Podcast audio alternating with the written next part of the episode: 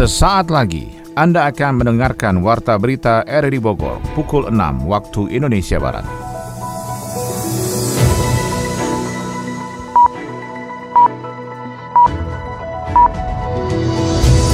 Selamat pagi dan salam jumpa. Kami kembali hadir dalam Warta Berita edisi pagi ini, Rabu 1 September 2021. Siaran ini bisa Anda dengarkan lewat audio streaming di RRI Play pada perangkat smartphone Anda dan juga turut disiarkan radio Tegar Beriman, Kabupaten Bogor. Berikut kami sampaikan berita utama. Uji coba ganjil genap di jalur Puncak Bogor hanya berlaku untuk kendaraan yang keluar dari tol Ciawi atau masuk kawasan Puncak. Kemarin itu kan macetnya wisata Puncak sampai juga ke pusat ya, jadi banyak pusat juga yang menanyakan kepada saya, ke Pak Kapolres gitu kan, kenapa bisa macet. Para pengusaha hotel, restoran, dan objek wisata di Jawa Barat mengeluhkan beban biaya operasional tidak sebanding omset. Kalau nggak salah pokoknya eh, ada administrasi atau bunga sekian persen lah, hmm. jadi masih bisa terjangkau lah. Jalan amblas di depan ex gedung Mega Mall Soleh Iskandar semakin parah. Peringatan untuk kendaraan yang bertonase besar tidak boleh melintas di situ karena masih mempercepat proses amblasnya itu. Bersama saya Maulana Narto, inilah Warta Berita selengkapnya. Para pengusaha hotel, restoran, dan objek wisata di seluruh Jawa Barat mengeluhkan tingginya beban biaya operasional yang tidak sebanding dengan omset dan pemasukan yang mereka dapatkan. Bahkan tidak sedikit juga pemilik dan pengelola hotel serta objek wisata di Jawa Barat yang aliran listriknya diputus PLN tanpa ada kompromi. Wakil Ketua PHRI Jawa Barat Iman Nurhema mengungkapkan, selama 1,5 tahun ke belakang, bisnis wisata di Jawa Barat mengalami kemerosotan signifikan dalam kegiatan Zoom meeting bersama dengan Menparekraf Sandiaga Uno. Selain meminta keringanan restitusi pajak kepada pemerintah, PRI Jawa Barat juga meminta bantuan finansial kepada bank pemberi pinjaman untuk mengurangi suku bunga tunggakan. Kredit kredit dari bank. Ini bank menjadi perhatian khusus dan kemarin hmm. juga sudah disampaikan bahwa perlu disampaikan dah kepada Bank Indonesia maupun OJK okay. untuk melanjutkan relaksasi kredit perbankan. Ya, Pengusaha ya, ya. banyaknya dari dari anu ya, dari ya. pinjaman dari bank. Kemudian dimudahkan atau jangan kita kan juga menyampaikan untuk keinginan untuk seperti di 98 itu hmm. ada yang disebut dengan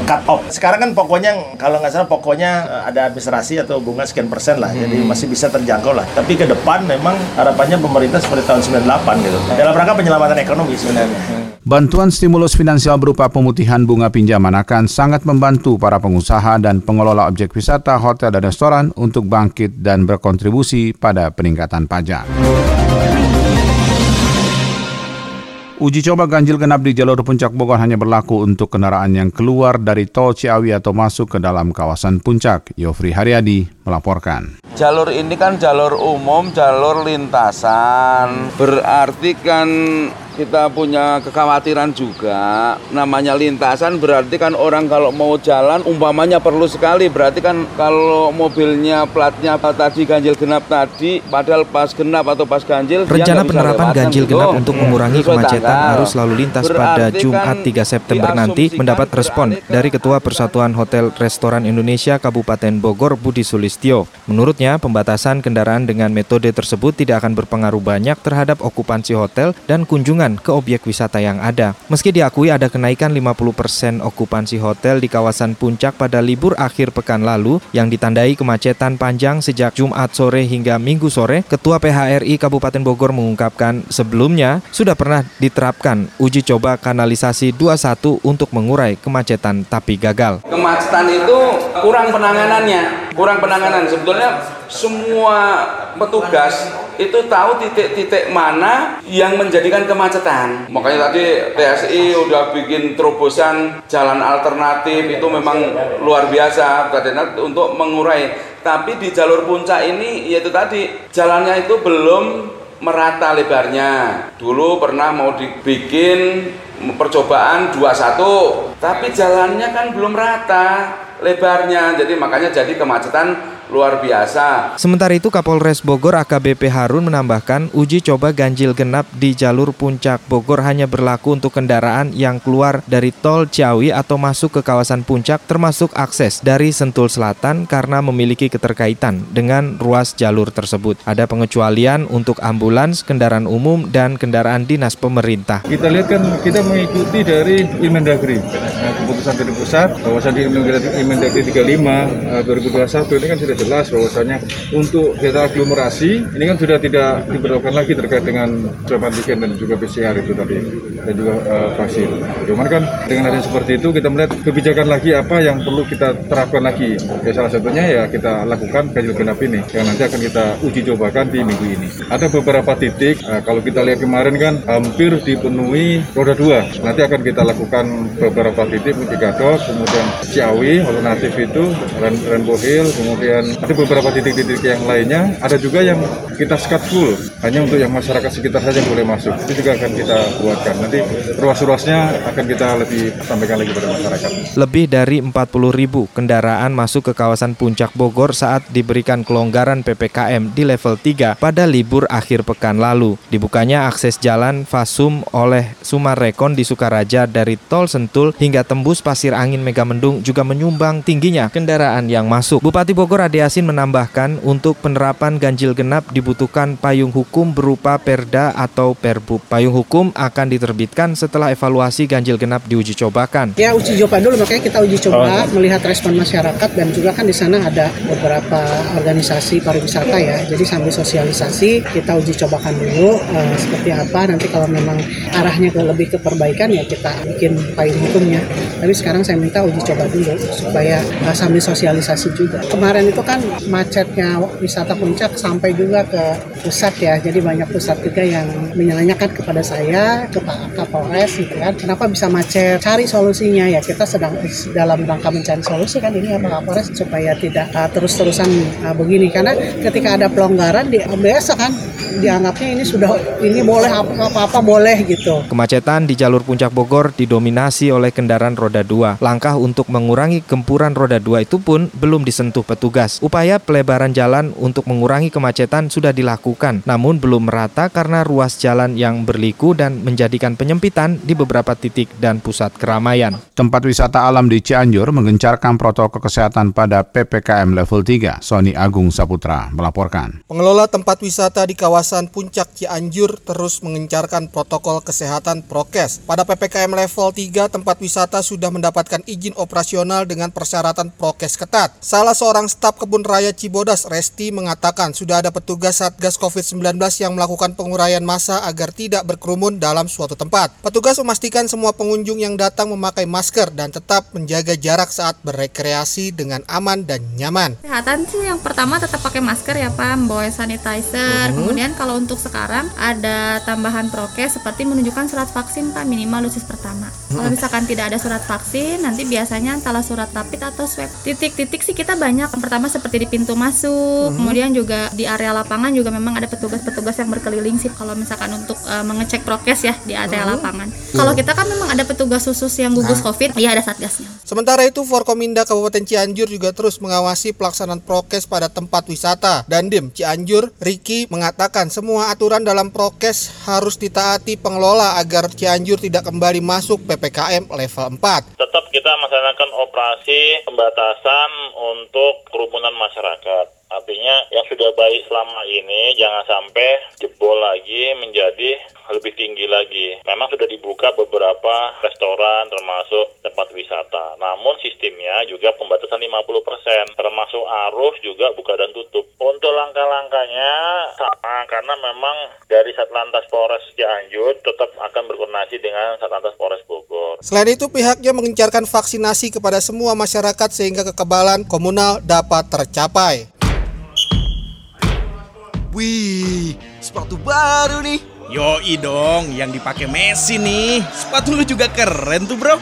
Yoi dong, Ronaldo punya nih, Bro. Eh, tapi lihat tuh sepatu si Marcel. Sepatu apa tuh, Bro? Merek lokal, Bro, buatan Indonesia ini mah. Elah, gaji gede, duit banyak, masih aja pakai buatan lokal. Nyirit apa pelit, Bro? kualitasnya kurang kali. Eh, sembarangan bilang kualitas buatan dalam negeri kurang. Coba cek sepatu kalian berdua, buka sepatunya, lihat buatan mana. Oh iya. iya. Uh. Nantangin.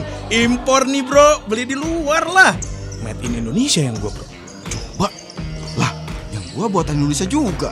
Justru Kualitas buatan kita itu terbaik bro Dari sepatu, elektronik, fashion, sampai pernak-pernik udah diakuin sama dunia Ngapain beli barang impor kalau kualitas produk kita lebih oke? Kalau gue sih bangga buatan Indonesia Saatnya kita bangga buatan Indonesia.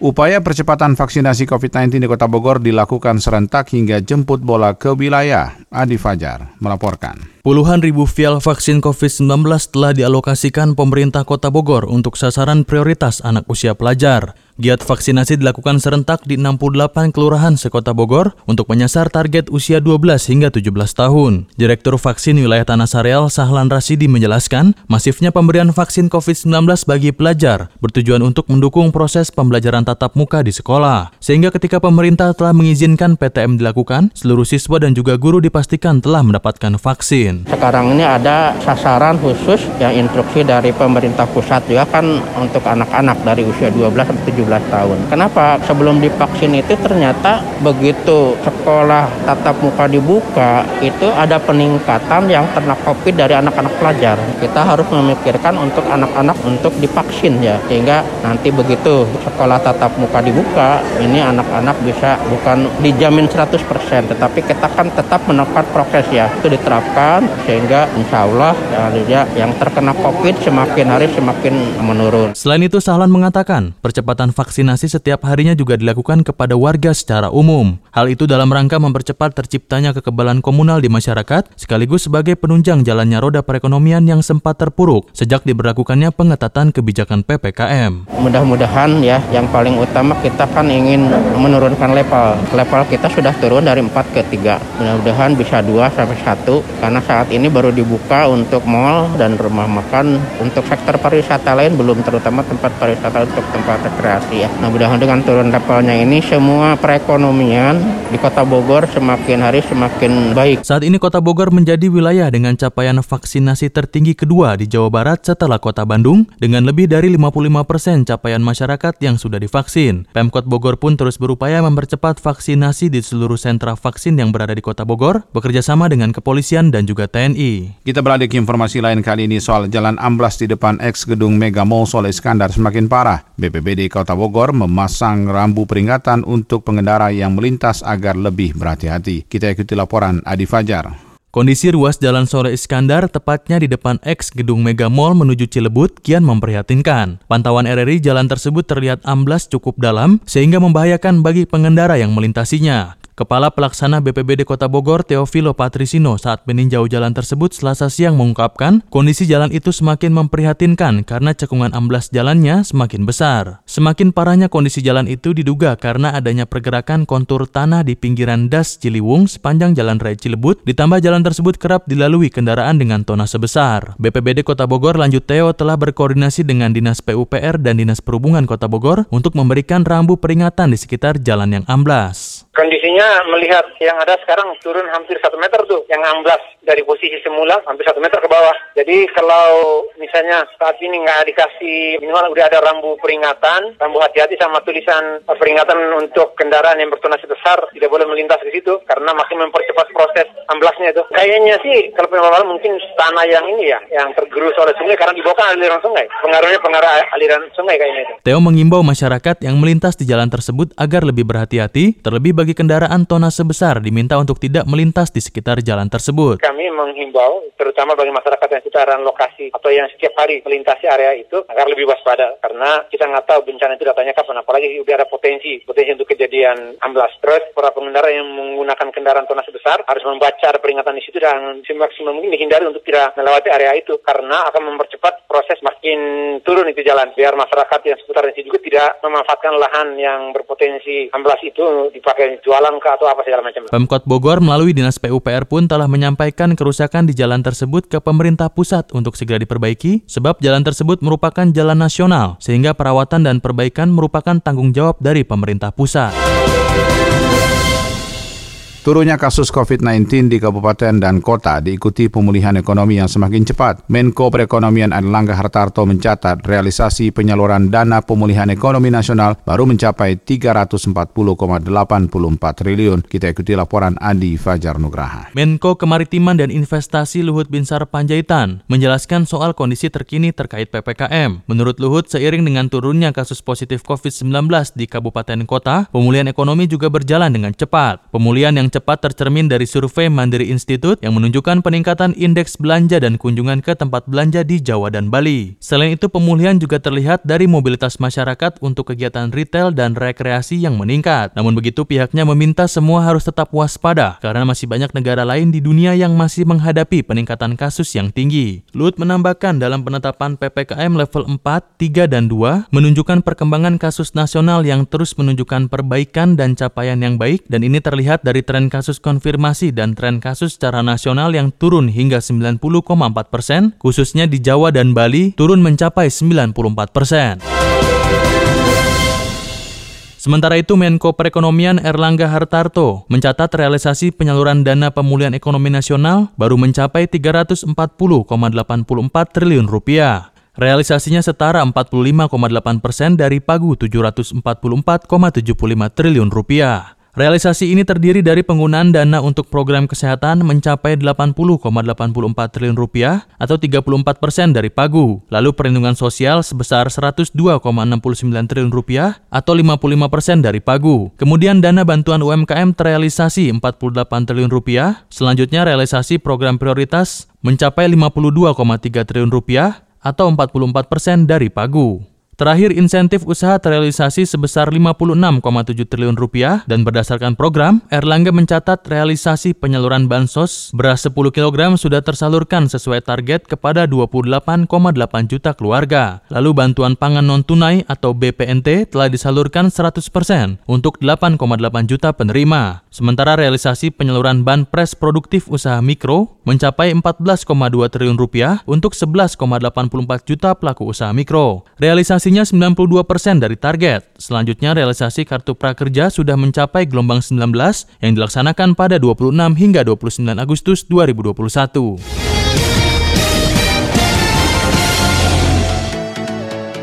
Dari dunia olahraga, Komite Olahraga Nasional Indonesia Kabupaten Bogor merespon positif kebijakan Bupati Ade Yasin yang telah memberikan kelonggaran untuk kegiatan olahraga kembali diperbolehkan dengan tetap mematuhi protokol kesehatan. Kita ikuti laporan Ermelinda. Komite Olahraga Nasional Indonesia KONI Kabupaten Bogor merespon positif kebijakan Bupati Ade Yasin yang telah memberikan kelonggaran untuk kegiatan olahraga kembali diperbolehkan dengan tetap mematuhi ketentuan yang berlaku. Wakil Ketua Dua Bidang Prestasi KONI Kabupaten Bogor Wawan Darmawan menyampaikan bagaimana Pengcap Kabupaten Bogor dan KONI terus berupaya dalam menjaga kualitas para atlet agar tetap terjaga selama masa PPKM berlangsung. Dengan kondisi PPKM level 3 ini kami teman-teman di jajaran KONI khususnya merasa terbantu di dalam rangka menata kelola tentang bagaimana atlet ini secara kualitas harus terjaga kan seperti ini. Karena kemarin kan libur sedangkan atlet itu tidak boleh libur sebenarnya. Ibarat mobil harus dipanasin gitu loh meskipun hanya sebentar. Nah dengan adanya pandemi COVID-19 ini pengaruhnya luas sekali dampaknya ke olahraga sangat bukan hanya dunia pendidikan saja, bukan hanya ekonomi saja, tapi olahraga sangat-sangat signifikan korelasinya dengan kualitas atau potensi yang harus dibangun di keolahragaan. Nah, sekarang dengan level 3 tentunya ada kegiatan yang bisa dilakukan kan hmm. meskipun terbatas, Betul. tidak keluar dari prokes ya. Tetap dengan kuota juga dibatasi kan begitu. Ya paling tidak mereka pemanasannya ada karena hmm. endurance atau uh, ketahanan dan performance atletnya harus terjaga. Wawan mengatakan langkah ini merupakan salah satu upaya Pemkap Bogor dalam memberikan ruang kepada pelaku olahraga di Bumi Tegar Beriman untuk kembali beraktivitas di fasilitas olahraga milik Pemkap Bogor. Terlebih kepada cabang olahraga yang tengah mempersiapkan atletnya untuk bisa bertanding pada babak kualifikasi Pekan Olahraga Provinsi BK Porprov ke-14 Jawa Barat 2021. Sementara itu Perkumpulan Angkat Besi Seluruh Indonesia atau PAPSI Kabupaten Bogor menyatakan siap menjadi menjadi tuan rumah Kejurnas Angkat Besi 2021. Rencananya Kejurnas Angkat Besi 2021 tersebut akan digelar pasca pelaksanaan PON ke-20 Papua 2021 di Kabupaten Bogor. Penentuan tuan rumah Kejurnas Angkat Besi 2021 akan ditentukan minggu ini oleh PB Papsi di Jakarta. Ketua Umum Pengcap Papsi Kabupaten Bogor Yudi Agus Soleh mengatakan pihaknya sangat siap menjadi tuan rumah Kejurnas Angkat Besi 2021 Kami yakin dari PAPSI dengan sarana prasarana yang ada di Kabupaten Bogor kan paling lengkap mungkinnya se-Indonesia ya. Dasar itulah kita kepada eh, PAPSI Pusat menyatakan siap untuk jadi tuan rumah. Diakui oleh PAPSI Pusat sendiri bahwa latihan PAPSI Kabupaten Bogor lebih layak daripada atlet platnas tempatnya. Yudi menegaskan event Kejurnas Angkat Besi 2021 juga mendapat dukungan dari Bupati Bogor Ade Yasin yang sesuai dengan tagline The City of Sport and Tourism dalam menjalankan roda pembangunannya di Kabupaten Bogor.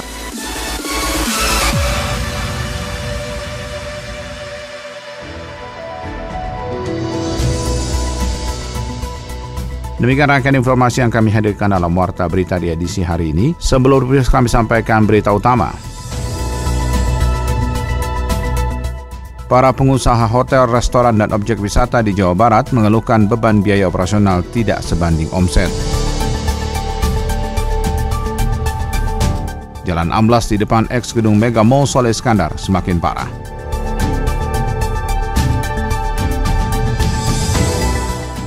Dan akhirnya, saya Melani Starto mengucapkan terima kasih atas perhatian Anda. Selamat pagi, sampai jumpa.